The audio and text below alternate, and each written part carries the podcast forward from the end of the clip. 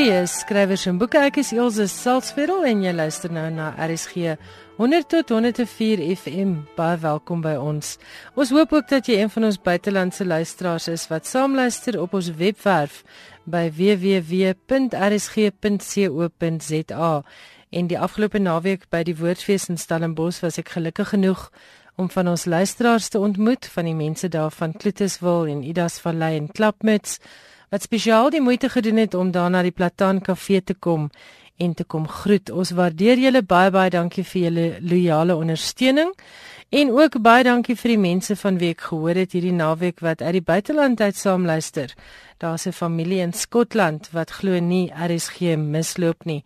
Dis wonderlik om te weet ons doen hierdie werk nie net vir plaaslike luisteraars nie, maar ook vir mense wat in die buiteland is en wat na hulle taal en hulle land verlang. Ons hoop jy geniet RSG en geniet finansies skrywers en boeke.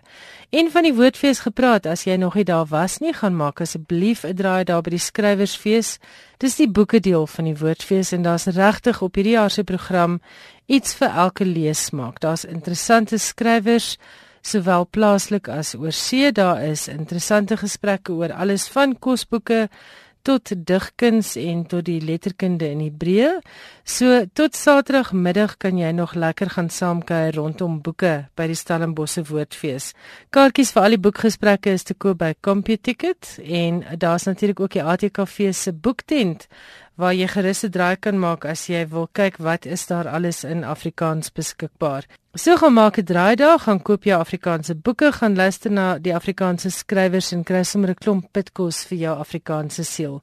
Ek is Elsje Salzveld, hierdie is skrywers en boeke en nou gesels ons oor 'n film wat 'n boek geword het en boonop nou in Afrikaans beskikbaar is.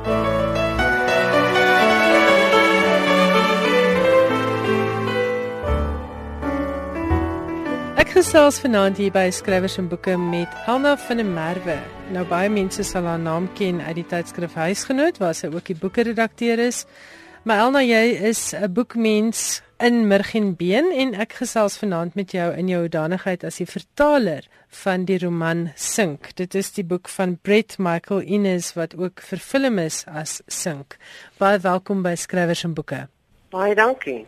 Nou wil ek vir jou vra die million dollar question as dit ware. Hoekom 'n boek vertaal wat pas vir film is en waarvan die film skaars 'n jaar gelede vrygestel is? Hoekom dink jy was dit nodig om hierdie boek in Afrikaans in boekvorm uit te gee? In die eerste instansie dink ek dit uh, was so roerende fliek, het soveel mense geraak dat dit sin maak om dit ook in boekvorm uit te gee en uh, ook dan vir mense wat dit nie gesien het nie. Aan die ander kant is dit ook die twee hoofkarakters is Afrikaanse mense, uh, 'n uh, jong paar van Johannesburg. So hoewel die boek dus die eerste keer in Engels verskyn het, dink ek dit maak net sin want soveel uh, Afrikaanssprekendes gaan aanklank vind by die boek. Ja, en ek moet sê vir luisteraars wat nie die film gesien het nie, dit is werklik een van die trots Suid-Afrikaanse produkte. Die film is nie Afrikaans nie, maar die karakters is reg Afrikaanse mense en dis 'n produk 'n film wat 'n mens trots daarop maak om 'n Suid-Afrikaner te wees. En ek het gekyk na jou vertaling, dit is lekker Afrikaans, dit is gewone Afrikaans waarna mens baie lekker lees. Hoe moeilik is dit om 'n skrywer se stem te behou, maar terselfdertyd lekker te vertaal dat jou lesers dit geniet? Ja, Elsje, dis 'n dun lyn waarop 'n mens loop. Ek moet net eers sê dat Brett maak dit vir mens maklik. Sy agtergrond is die filmwese. So hy het hierdie boek eintlik in die eerste instansie begin skryf as 'n draaiboek en tussendeur dit uh, ook in 'n roman begin skryf. Maar omdat hy kyk met die oog van 'n filmmaker, byvoorbeeld is sy dialoog is baie maklik om te vertaal. So natuurlik moet mense dan nou 'n totale Afrikaanse gevoel gee ook die huiswerker wat die derde hoofkarakter of dalk die eerste hoofkarakter is wat 'n Mosambieker is om haar in Afrikaans weer te gee. So, dit is maar die fyn lyn om dit is Brett se storie, maar jy moet Brett se storie vir hom Afrikaans maak sodat die Afrikaanse leser dit nie ervaar as iets wat in 'n ander taal geskryf is nie. Die boek is oorspronklik uitgegee of die die oorspronklike naam van die film se draaiboek was ook Rachel Weeping en jy het nou-nou voordat ons op die lig gekom het gepraat daarvan dat dit ook in Nederlands vertaal is. En wat is die titel daar? As ek reg onthou is dit Rachel of Rachel Treurde En ek weet sê die titel kom uit 'n teksvers in Jeremia 31 vers 15. Dit lui so: 'n gekerm word op Rama gehoor, 'n gehuil vol hartseer. Rachel treur oor haar kinders. Sy wil haar nie laat troos nie, want haar kinders is weg. En Brett het in 'n onderhoud vertel dat hy het eers die idee gehad vir die storie of die film en daarna in 'n Joodse teks het hy op hierdie teksvers afgekom wat hy ook toegesien het in die Ou Testament opgeneem is en toe hy dit raak gelees het, hy so duidelik 'n prentjie gehad van Rachel wat vooroor gebuig sit en treur oor haar kinders of in hierdie geval dan haar kind. So dit was die visuele prikkel vir hom gewees waarom hy hierdie hele fliek en boek gebou het. En Sink is nou die film se titel. Het jy besluit om dit te behou vir die boek omdat dit dan nou 'n bekende naam is? Of is dit soos wat Anel Alexander in 'n onderhoud met my gesê het omdat dit uh ook 'n tweetalige titel is, Sink en Sink is word dieselfde gespel. So vir die film het hulle dit in gedagte gehou en natuurlik die watertema. Kyk, ek dink omdat dit reeds gevestig was, sou dit sin maak om dan nie nog 'n nuwe titel laat die mense nou nie besef o, dit is daai fliek wat ek gesien het of wou gesien het nie en ook omdat ek wil nie alles verklap nie, maar die sink is 'n baie belangrike tema. Ja, ja. Ons wil nou nie alles verklap nie, maar gee vir ons luisteraars 'n kort sinopsis van die storie.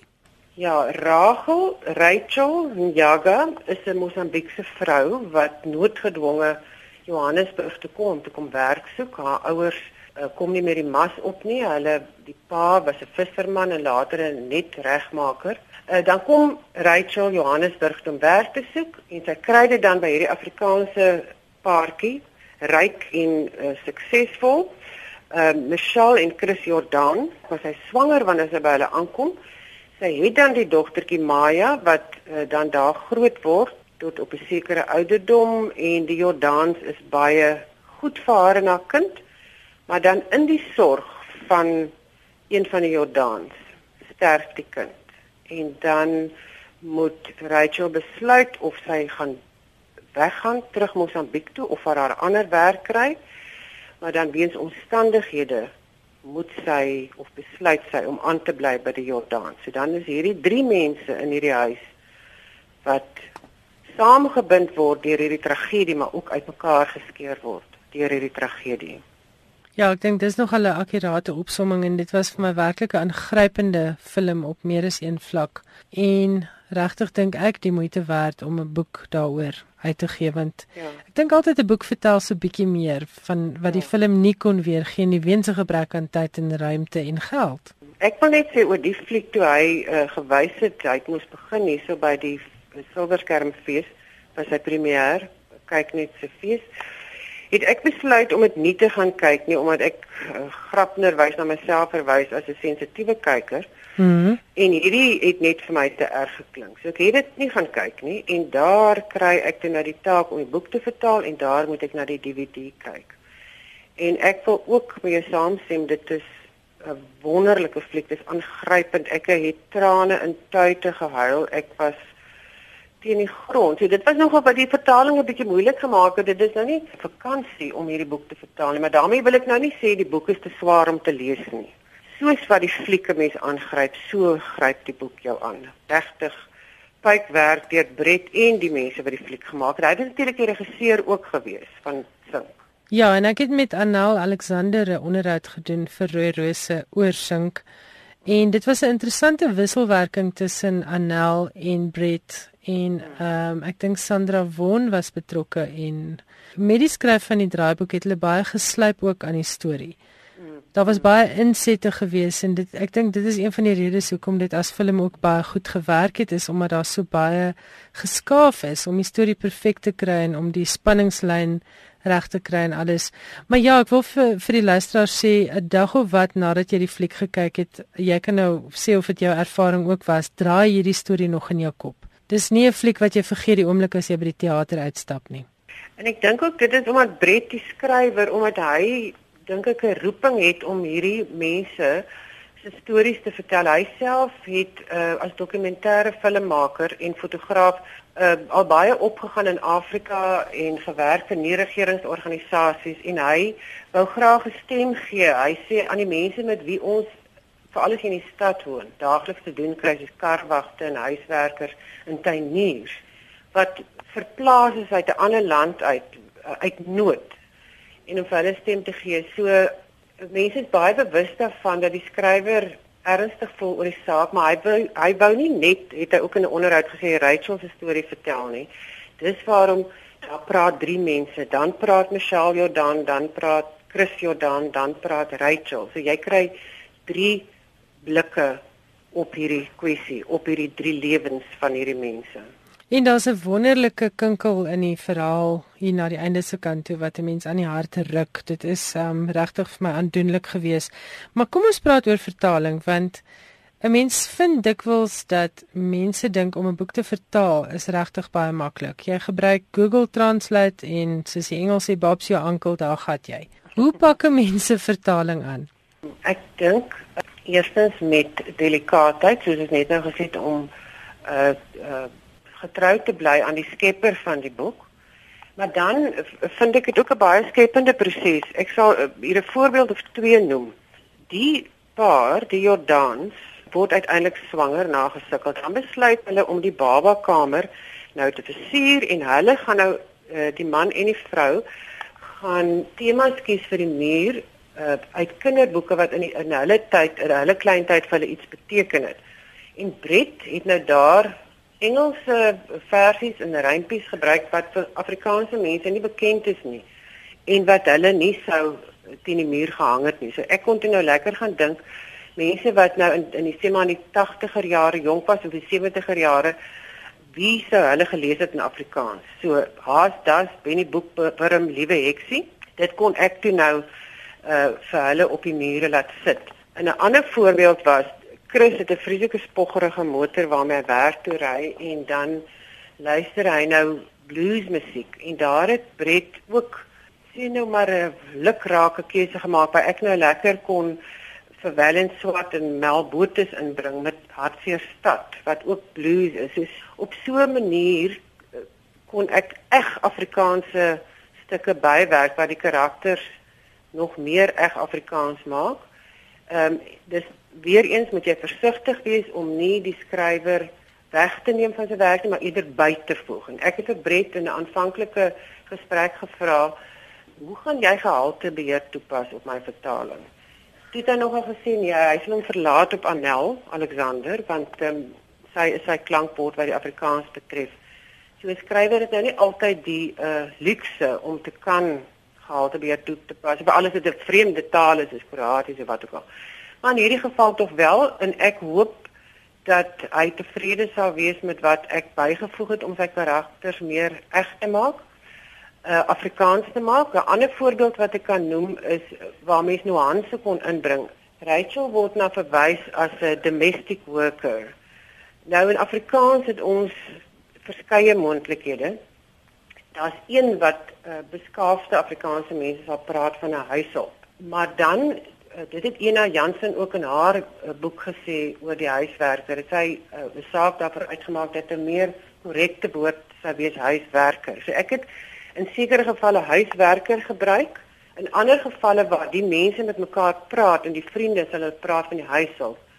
En dan waar Michelle kwaad raak, waar die sake hand uitdruk in die huis, dan verwys hy na die bediende. Ja. So dit is so 'n klein gevoel verskil wat 'n mens kan inbring in 'n vertaling. En dan wil ek vir jou terwille van luisteraars wat dalk geïnteresseerd is in die vertaalproses, wil ek nou ook sommer vir jou vra, mens vertaal mos nie woord vir woord nie. Jy kan nie 'n sin vat en hom in 10 10 woorde in Engels vertaal na 10 woorde in Afrikaans nie. Hoe werk dit as 'n mens vertaal? Die eerste slag wanneer mens deur die manuskrip gaan of wanneer ek deur die manuskrip gaan, dan sal ek ek sal byvoorbeeld 'n paragraaf lees.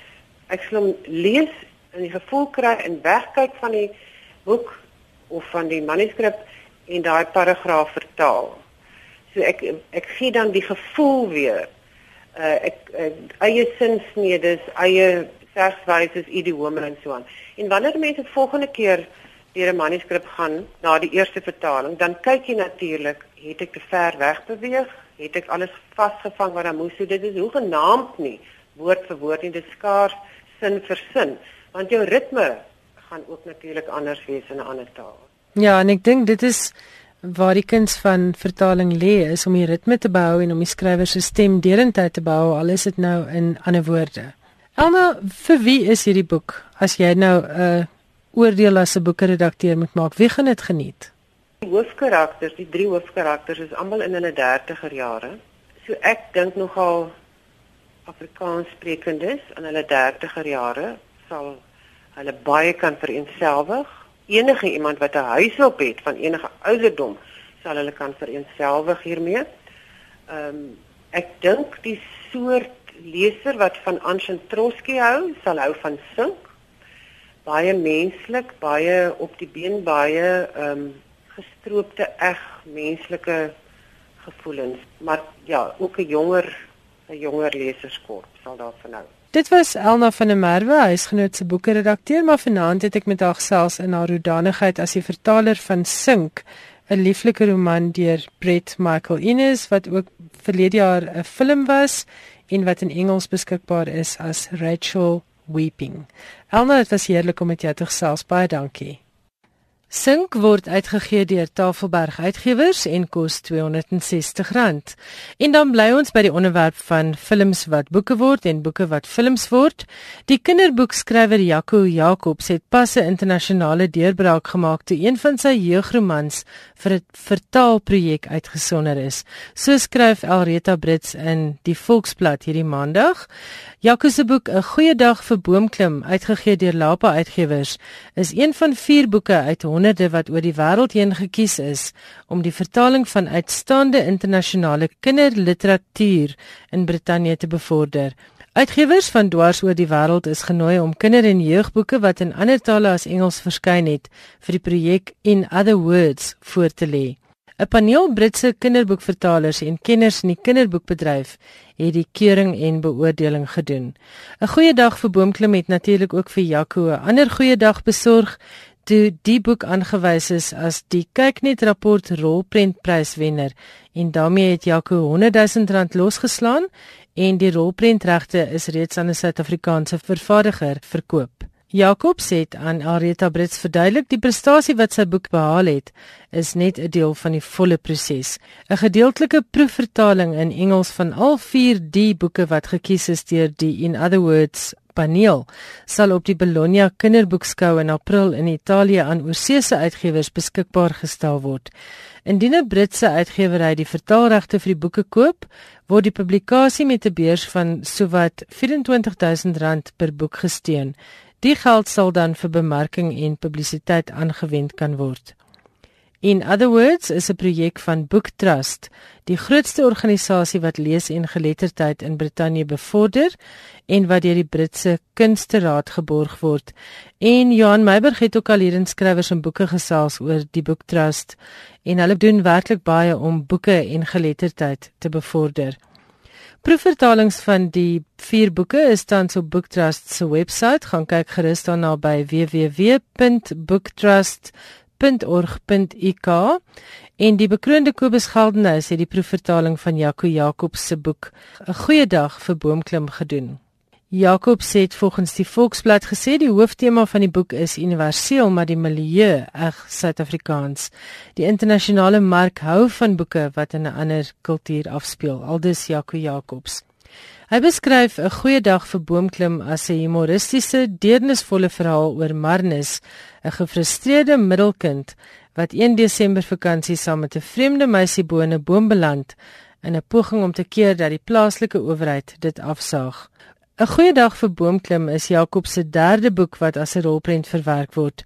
Die voriges is Suurlemoen en oor 'n motorfiets, 'n zombiefliek en lang getalle wat deur 11 gedeel kan word. Laasgenoemde rolprent heet Nul is nie niks nie en dit word in die middel van die jaar as 'n film hier in Suid-Afrika uitgereik. Jakob sê hy raak nooit betrokke by die vervulling van sy boeke nie.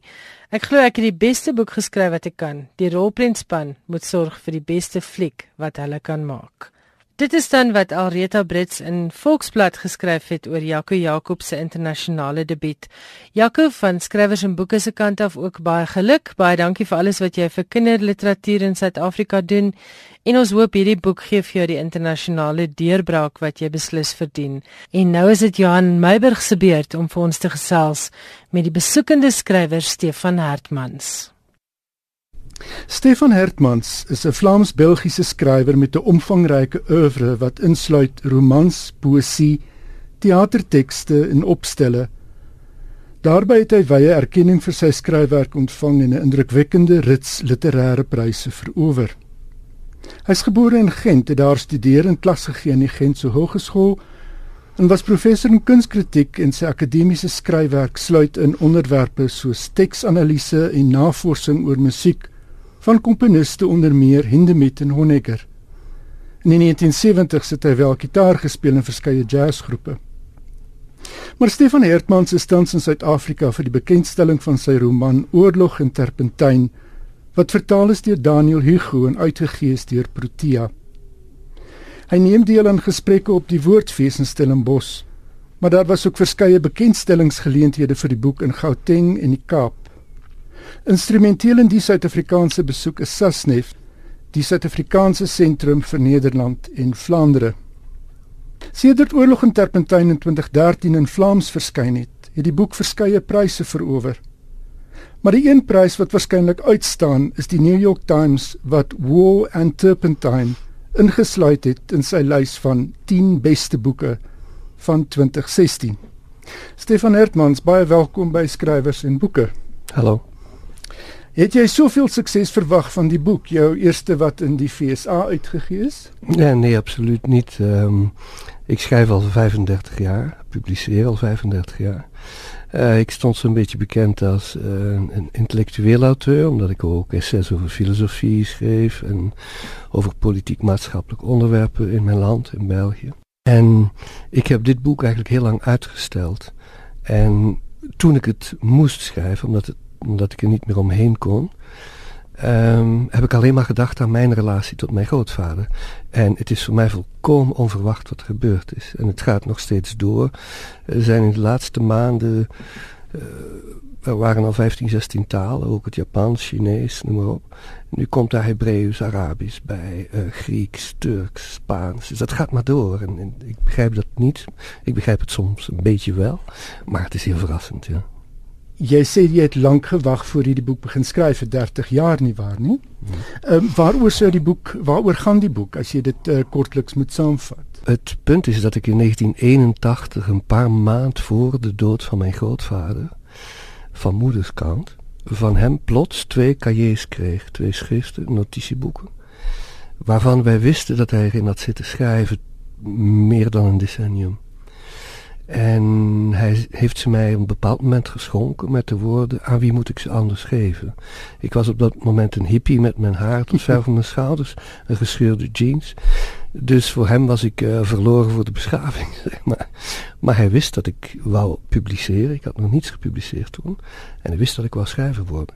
Dus de vraag blijft voor mij: heeft hij gehoopt mm. dat die intieme documenten toch zouden doorgegeven worden. Want hij was een hele, uh, een hele uh, hoe moet je dat zeggen, een introverte man. Hij zocht de aandacht niet. Hij vertelde wel over die oorlog in het gezin. Maar ik denk niet dat hij ooit doelbewust dat heeft doorgegeven om te zeggen, doe er iets mee. Maar ik heb het wel gevoeld als een legaat en ik was er bang voor. ik heb jarenlang inderdaad eromheen gelopen en dan vond ik die schriftjes plots terug in een hardboardbox, omdat ik weer eens verhuisde. En dan sloeg ik dat open en zag ik die eerste woorden. En het was zo emotioneel. Dat ik dacht, nee, dat is van ons, dat is van mijn familie. Maar ja, het werd 2013. Het werd 2014. Het boek is gepubliceerd in 13.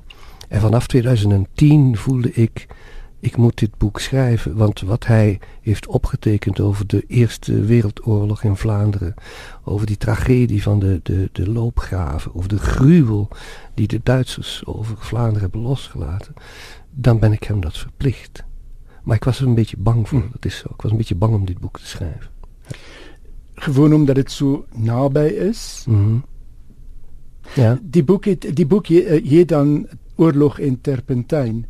Die twee kante, dit loop na twee kante toe dan. Uh, wil je daaroor iets, iets meer zeggen? Ja, zeker.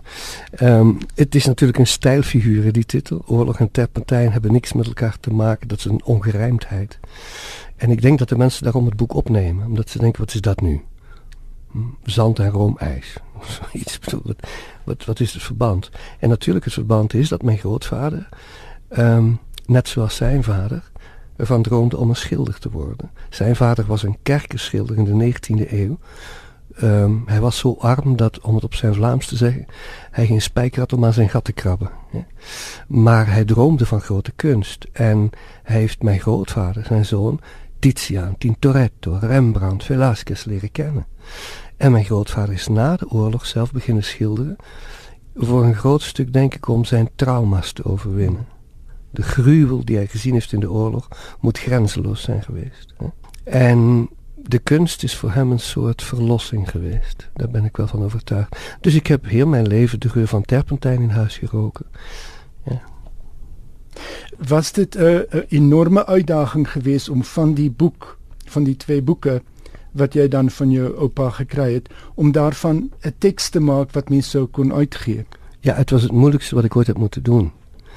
Omdat u moet rekenen, in het begin was ik zonder de indruk, toen ik ze eindelijk las na 30 jaar, was ik zonder de indruk dat ik dacht, ik type ze gewoon uit. Ik publiceer het met zijn naam erop. Ik ben alleen maar zijn klerk. Ik moet dat doen. Maar na 20, 30 pagina's dacht ik, er is geen hond die dat nog zal lezen, omdat het Vlaams zo snel evolueert. Het Vlaams en het Nederlands in het algemeen zijn talen die heel snel gemoderniseerd zijn. Jawel. Om de 15 jaar wordt het woordenboek herzien, de dikke Van Dalen heet hij. Dus uh, zijn taal was niet meer geschikt voor de hedendaagse lezer. En toen dacht ik, oké, ik ga zijn verhaal vertellen. En toen begon ik met zijn geboorte op te schrijven. En die eerste jaren in armoede. En dacht ik, ja maar god, dit, dit wordt Dickens in Vlaanderen. dat was dat is zo naturalistisch. Die armoede, die jeugd en die stegen in Gent, dat was onvoorstelbaar. Vlaanderen is nu zo rijk. Hè? Toen was het echt straatarm. Toen dacht ik, dit is het ook niet dacht ik, ja, ik moet het proberen evoceren. En toen begon ik mij een verrader te voelen. Toen dacht ik, I'm faking this. En hoe moet ik dat nou doen? Wanneer ik zijn stembeeld trouw blijf, die prachtige oude Vlaamse stem, die hele sensibiliteit mee wil brengen voor de lezer. Die piëteit bijvoorbeeld, dat vrome, dat ouderwets katholieke, die moed, die waardigheid ook van die mensen. Zijn taalgebruik dat soms heel mooi en pittoresk is, hoe moest ik dat doen? Dus ik heb een soort mengtaal moeten maken, waarin mijn hedendaags Nederlands redelijk wat archaïsche woorden zitten of uitdrukkingen, waarvan ik nu zie dat de lezers dat ontroerend vinden. Maar natuurlijk, wanneer je dat gaat vertalen, is dat heel lastig. In het Frans is dat weg. In het Engels is dat ook weg voor een stuk. Ik kry toch, ek het nie die Nederlands gelezen, maar ik kry toch wel in Daniel Hugo se Afrikaans kry ek iets van 'n argaïese gevoel by by by uh, by geleenthede voel dit vir my asof die leestempo 'n klein bietjie vertraag word en hy my en hy my op 'n klein reisie vat na 'n argaïese omgewing. Dat vind ik fantastisch om te horen. Ik weet dat hij een van de beste vertalers is. Ik was ook heel blij dat hij dat deed en ik ben hem zeer dankbaar. Maar wat u mij zegt is voor mij zeer uh, belangrijk. Want de lezer moet die charme van die oude wereld toch een beetje voelen. Ja. Het jy van of dan besluit om deels fiksie, deels memoirs te hanteer? Nee, het moeilijkste was hoe ik mijzelf in dat boek moest plaatsen. Um, ik herinner mij dat ik op een bepaald moment, ik heb drie jaar geknoeid voor ik de juiste vorm vond. En ik herinner mij dat mijn redacteur in Amsterdam tijdens een telefoongesprek zei: Hou nu eens op met zeuren over dat boek van je grootvader. Schrijf nu eens eindelijk jouw boek over hem. En dat was voor mij een schok. En hij zei, je moet beginnen met de verste herinnering die je hebt. En dat heb ik braafjes gedaan. De eerste herinnering op dat strand in Oostende. Hè, waar je een putje in het zand graaft, alsof hij weer een loopgraaf gaat maken. Hè, dat, dat stond mij plots voor en toen had ik de vorm. Maar daarbij komt natuurlijk, het boek heeft drie delen, het is een triptiek. Dat is een hommage aan de katholieke triptieken boven de altaren. Omdat hij een schilder was en ik dacht, ik ben de laatste schilder in de rij in een boek. En ik denk dat het heel belangrijk is dat ik besloten heb dat het middendeel, dat rechtstreeks over de oorlog gaat, dat het uniek getuigenis is van een soldaat in de loopgraven, dat ik hem aan het woord laat. En daar heb ik het echt gevolgd. Hoor. Het was pagina omslaan, kijken wat hij beschreef en zelf beginnen tikken. Ja, daar heb ik hem heel rechtstreeks gevolgd, omdat het zo'n fantastische memoires zijn.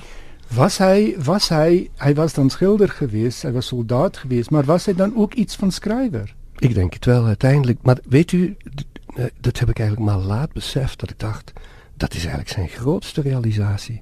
Niet die kopieën van Rembrandt en Velasquez in mijn oude huis. Maar dat hij dit gedaan heeft.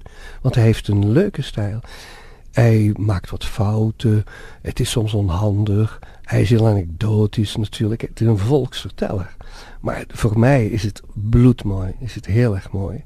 Maar voor de lezer ligt het een beetje verder af. Maar ik ben met u eens dat hij eigenlijk ook dat literair talent moet gehad hebben. U moet rekenen, hij is 30, 50 jaar na de oorlog beginnen schrijven. Hè? En dan heb ik nog eens 30 jaar gewacht. Goed, hij begint in 1963 te schrijven. Zijn vrouw, mijn grootmoeder Gabrielle, is dan al dood. In die 600 bladzijden is niet één woord doorgehaald. Hij heeft niet één keer geaarzeld. Dat was op het moment dat ik dat ontdekte voor mij een ongelooflijke schok. En toen dacht ik, zo ziet een war trauma eruit. Dat je 50 jaar later. Traumatisch. Ja, ja. ja, dat is dramatisch. Dat je 50 jaar later, zonder één woord door te halen, dat neerschrijft. Ja, ja dit is gewoon merkwaardig. Um, jy skryf dan jouself as dit ware in die in die verhaal in. En dan ehm trek jy dit ook verder die familiele geskiedenis dalk verder deur te verwys ook na na jou seun as jy op veral op besoeke gaan na na na plekke dat hy saamgaan. Ja, ik vond het heel belangrijk om mijn eigen zoon erin te weven. Uh, ik ga met mijn zoon namelijk naar de National Gallery om daar het oorspronkelijke Rockaby Venus van Velasquez te zien, dat thuis bij mijn grootouders stond. Um, en ik vond dat heel belangrijk om die estafette, om dat stokje door te geven. Zeg, jongen, je staat in een keten. Wij leven in een tijd waarin mensen denken, self-made, self-made. Je bent nooit self-made. Een mens is nooit zelf Nee, je wordt door de ander gemaakt. Ja. En ik vond het belangrijk om dat door te geven. Dat er eigenlijk drie generaties in het boek aanwezig zijn. Eigenlijk vier, ja. Wat mij ook opgevallen het in die boek is dan dat dit gaan oor gewone mense. Ehm maar dat vir die gewone mense is is kuns iets waarsonder hulle kwaliek oor die weg kan kom. Dat was voor mij de grootste ontdekking en de grootste ontroering. Dat die mensen, hoe arm ze ook waren, soms een half jaar geld opzij legden om één keer naar Aida van Verdi te kunnen gaan kijken. Wij leven in een tijd waarin democratie betekent val die gewone mens die tv kijkt niet lastig met cultuur. Hè? Cultuur en porno na middernacht. Hè? Geen intellectuele dingen. En ook geen vuile dingen. Dat, de, de mens mag dat allemaal niet zien. Hij mag dus geen filosoof zien praten, want het is allemaal elitair geworden. Hij, mag geen kunstprogramma zijn in die periode, hij moet talkshows hebben, et cetera. Ons idee van democratie is niets te moeilijk. In die periode waren die arme arbeiders mensen die droomden van emancipatie via de emoties van de kunst. Dat is voor mij een grote ontdekking. En ik vond het heel belangrijk om ook dat getuigenis te geven. Want we hebben nu wel gesproken over het feit dat de cahiers van mijn grootvader zijn getuigenis over de Eerste Wereldoorlog zijn. Maar de 200 eerste pagina's, die gaan alleen maar over die armoedige jeugd. Jawel. En die armoedige jeugd die verweven is met dromen van Rembrandt. Dat is fantastisch op zich, ja. Stefan Hertmans, bye bye, dankie vir die gesprek. Dankie dat jy na die ateljee gekom het. Met veel plesier, dankjewel. Baie dankie Johan Meiburg en Stefan Hertmans. Hulle het gesels oor Stefan se roman Oorlog en Terpentyn wat ook nou in Afrikaans beskikbaar is. Dit is vertaal deur Daniel Hugo en word uitgegee deur Protea Uitgewers. En terloops, as jy die boek wil hê, daar is net 10 kopieë beskikbaar op Protea se webwerf, maar ek weet die boek is natuurlik ook landwyd by boekhandelaars beskikbaar. Dit kos R275. Johan bly agter in die ateljee. Ons gaan nou gesels oor die internasionale letterkunde en Johan, jy skop vanaand af met iets oor Nasionale Biblioteekweek wat binnekort plaasvind. Dis reg. Maar eers oor Brittanje se biblioteke. Brittanje se openbare biblioteek het heelwat minder boeke op hulle rakke as wat algemeen gedink word. Tot soveel as 50% minder as wat die amptelike syfers van 1996 aandui. Bibliotekaris het aangedring op 'n landwyse audit en terselfdertyd die minister van Finansies dringend versoek om geldelike steun aan die sektor te verhoog om soos dit gestel is die sektor te vrywaar van onvermydelike agteruitgang. Volgens die geoktroeëerde Instituut vir Openbare Finansies en Rekeningkunde was daar teen die einde van 2016 52,3 miljoen boeke minder in die voorraad van Britse openbare biblioteke, omtrent 25 miljoen minder as in 1996. Die gegevens is egter gegrond op rekenaardata eerder as op fisieke voorraadopnames. Dit het onlangs aan die lig gekom dat biblioteke in Suffolk 10000 minder boeke op hul rakke het as wat die database aandui. Voorraadopnames bly agterweë omdat biblioteekpersoneel so teruggesny is dat die taak in die slag bly. Die begrotings van openbare biblioteke in Brittanje is die afgelope jaar met sowat 25 miljoen pond gesny. Sedert 2010 het 8000 bibliotekare hulle werk verloor in Engeland en Wales. Volgens 'n artikel in The Guardian is dit veral kinderboeke wat voete kry en doen dit self boeke. Terwyl ons dan oor biblioteke praat, Suid-Afrikaanse biblioteke kom van 18 tot 25 Maart in die kollig tydens die Nasionale Biblioteekweek. Die week is in 2001 ingestel om die belangrike rol wat biblioteke in 'n gemeenskap speel te beklemtoon, om geletterdheid 'n hupstoot te gee, om toegang tot kennis as 'n werklikheid te benadruk en lesbes om verdraagsaamheid te laat seëvier. Dit aldus die Biblioteek en Inligtingvereniging van Suid-Afrika se webwerf. Die tema vir vanjaar se Biblioteekweek is My biblioteek, jou biblioteek. En die oogmerk is dat gemeenskappe eienaarskap neem van die biblioteke in hul omgewing. Beste is dalk om nou al uit te vind wat jou naaste biblioteek beplan vir die nasionale biblioteekweek. Is dit nie verskriklik dat jy jy sê 8000 bibliotekariërs het hulle werk, werk verloor? Is dit nie verskriklik dat die basis, die fundament van kennis in 'n gemeenskap so erg onder druk kom nie. Uiteindelik as jy 'n beter opgevoede, meer beleese gemeenskap het, het jy minder probleme in hom. So, inderdaad. En hier by ons word daar ook mos maar gereeld aan die begrotings en dinge getorring en so ek vra weer vir die luisteraars as jy boekrakke regpak, skenk jou ou boeke asseblief tog vir jou naaste biblioteek want ek weet almal sukkel. Die Britse skrywer Anthony Burgess sou op 25 Februarie 100 gewees het. Hy is in 1917 gebore en is in 1993 op 76 jarige leeftyd dood. In 'n artikel in The Telegraph wat saamgeval het met die herdenking, het Irvin Welsh, skrywer van onder meer Trainspotting, hulde gebring aan die skrywer wat, soos Welsh opmerk, daarin geslaag het om aanleiding te gee tot 'n groot kulturele moment. Hy verwys na Burgess se A Clockwork Orange, 'n boek wat in 1962 verskyn het en wat 'n besondere invloed gehad het op die Ziggy-era van David Bowie. Die boek het danksy die rolprent weergawe van Stanley Kubrick bygedra en dit is omtrent 10 jaar later tot nog groter aanhang. Dis die distopiese satire wat Burgess in 3 weke geskryf het en waarna hy later verwys het as 'n novelle wat hom roem besorg het en 'n hele generasie betower het, skryf Welsh.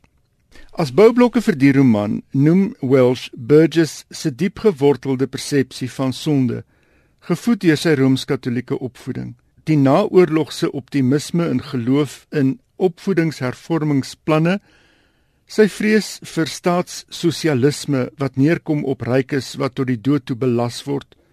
En dis alles ingeweef in 'n Englishness waarvan die raklewe verby is. Burgess het 33 romans geskryf benewens Clockwork Orange ook The Wanting Seed, Inside Mr Enderby en Earthly Powers, asook Nothing Like the Sun, 'n fiktiewe biografie van William Shakespeare en A Mouthful of Air, 'n boek oor linguistiek.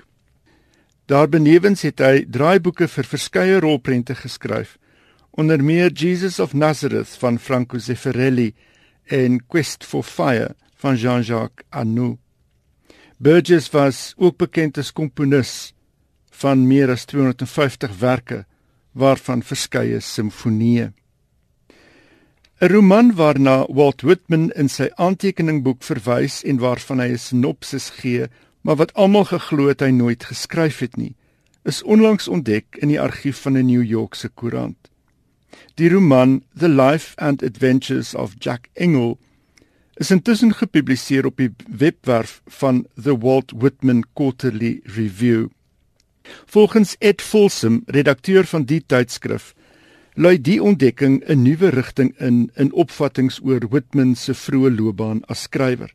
Dit blyk nou, het Folsom gesê, dat Whitman fiksie en poesie vermeng op maniere wat vroeër nie bekend was nie. Die roman is in 1852 geskryf, dieselfde jaar waarin Whitman begin werk het aan sy epiese gedig Leaves of Grass wat 3 jaar later gepubliseer is. Meer as die sonderlinge aard van die fonds, is dit belangrik omdat min inligting voorheen bestaan het oor Whitman se prosa werk en 'n hernuide belangstelling in die Amerikaanse skrywer se werk tot gevolg kan hê. Whitman is in 1819 gebore en in 1892 dood. Dankie tog vir argiewe, né? En Inderdaad. vir iemand wat dit nie net uitgegooi het as 'n nutlose klomp papiere nie. Steeds in die FSA, die 32-jarige Britse skrywer Helen Oyeyemi is aangewys as die wenner van Pen America 2017 se letterkundeprys vir haar bundel kortverhale What is not yours is not yours. Die prys word op 27 Maart aan haar toegekend. Oyeyemi was een van 10 skrywers op die kortlys vir die prys wat toegekend word aan en ek haal aan 'n uitsonderlike literêre werk van boeklengte wat in die vorige jaar gepubliseer is deur 'n skrywer van enige kleur. Penguin Random House bemark die boek as speels, ambisieus en verbeeldingryk. Verhale wat netjies versamel is rondom sleutels as kerngedagte, letterlik sowel as metafories gesproke die sleutel tot 'n huis, tot 'n hart, tot 'n geheim. Helen Oyeyemi se What is not yours is not yours is uitgegee deur Penguin Random House. Vyf ander romans van haar het reeds verskyn. The Icarus Girl, The Opposite House, White is for Witching, Mr Fox en in 2014 Boy Snow Bird. Baie dankie Johan Meiberg. Ons gesels volgende week weer. Baie dankie. Dis ongelukkig al waarvoor daar vanaand tyd is in skrywers en boeke vir die volgende 12 weke luister ons direk na skrywers en boeke na 'n mini drama reeks getiteld Tweede Kanse en dit gaan oor fetale alkoholsindroom. So geniet dit. Dit is nou drama in 'n splinternuwe kort vorm. Bly ingeskakel vir die musiek daarna en onthou as jy e-pos wil stuur, my adres is skrywersenboeke@rsg.co.za. Die SMS nommer ken die gereelde luisteraar seker teen hierdie tyd. Dit is 45770. Ek is Elsje Salzwetel. Geniet die res van jou aand. Totsiens.